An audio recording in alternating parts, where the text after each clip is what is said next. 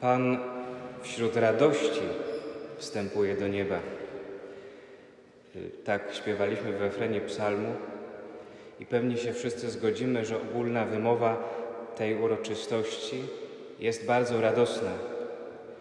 Pan Jezus, który pokonał śmierć, grzech szatana, który zmartwychwstał, teraz powraca do Ojca i obiecuje nam, że ześle nam Ducha Świętego.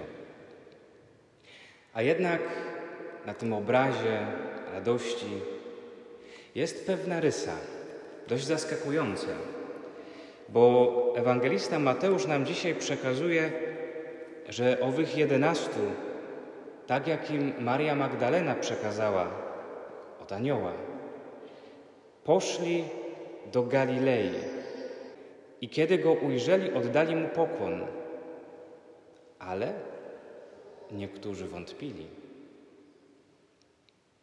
Pośród tej ogólnej radości jakiejś takiej podniosłości tego wydarzenia, wśród apostołów, najbliższych uczniów, są jakieś wątpliwości, jest powątpiewanie.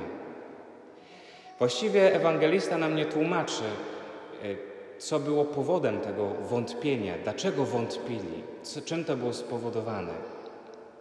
Ale możemy sięgnąć do innego tekstu Ewangelii, w którym ten ewangelista używa tego słowa. I to jest historia, w której Pan Jezus udał się na górę, żeby się modlić. Dzisiaj są też na górze. I wówczas uczniom kazał się przeprawić na drugą stronę jeziora. Ale na tym jeziorze pojawiły się fale, burza, łódź była miotana, a oni byli pełni lęku, niepokoju i pewnie także wątpliwości. Wtedy Pan Jezus, modląc się na górze, widział tę sytuację. Był u Ojca na modlitwie, ale jednocześnie doskonale widział i rozumiał położenie uczniów. Dlatego idzie do nich po wodzie i każe wyjść Piotrowi. Piotr wychodzi z tej łodzi pełen wiary, a jednak wielkie fale powodują, że wątpi. I wtedy tonie. Dokładnie to słowo wątpi. I dzisiaj to słowo wątpią. To samo słowo. Zestawiam te dwa teksty dlatego, żebyśmy zobaczyli, że w naszym życiu, także ludzi wierzących, jak ufam pełnych nadziei, wiary i miłości, pojawiają się przecież różne wątpliwości, także wątpliwości w wierze. Ale te wątpliwości nas nie muszą paraliżować. Te wątpliwości nas nie muszą zatrzymywać, choć często, jak przyglądamy się w naszym życiu wątpliwościom, które przychodzą, to one często sprawiają, że my się zatrzymujemy w drodze, a nawet nieraz robimy krok wstecz. Wątpliwości nas nieraz paraliżują. Uczniowie, mimo wątpliwości, jednak na słowa Marii Magdaleny przekazane jej przez Jezusa przychodzą. I to jest pewna wskazówka, którą nam daje dzisiaj Ewangelia. Pomimo wątpliwości, pomimo niepokojów, które będą nam towarzyszyły, iść za słowem Jezusa. Tak jak Piotr po tej wodzie, mimo zwątpienia, Panie, ratuj. I Pan wyciąga do niego rękę. Ta sytuacja z Piotrem, ona nam też pokazuje, że Pan Jezus, będąc u Ojca na modlitwie, zna potrzeby człowieka. To jakby nam pokazuje to, co dzieje się w tej chwili po wniebowstąpieniu.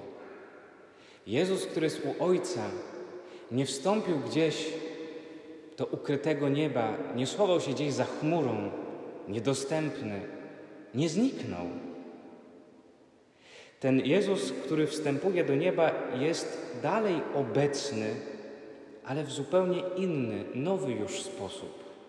I tu się warto odwołać do innego tekstu, który pozwoli nam zrozumieć, co znaczy, że Pan Jezus mówi: Oto ja jestem z Wami przez wszystkie dni, aż do skończenia świata.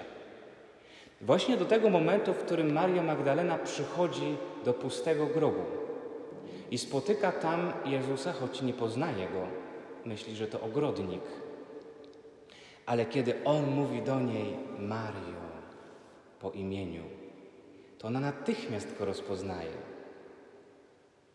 A Pan Jezus mówi wówczas: Nie zatrzymuj mnie, bo jeszcze nie wstąpiłem do Ojca. Ten moment może się wydawać dziwny, bo kiedy, jeśli nie teraz, rzucić się mistrzowi na szyję, ucieszyć się, czy przypaść do nóg? A on mówi: Nie, Mario, nie ten czas. Teraz muszę odejść, ale ja będę z Wami. Będę z Wami w inny sposób, w nowy sposób. Będzie z nami i jest z nami w czasie Kościoła.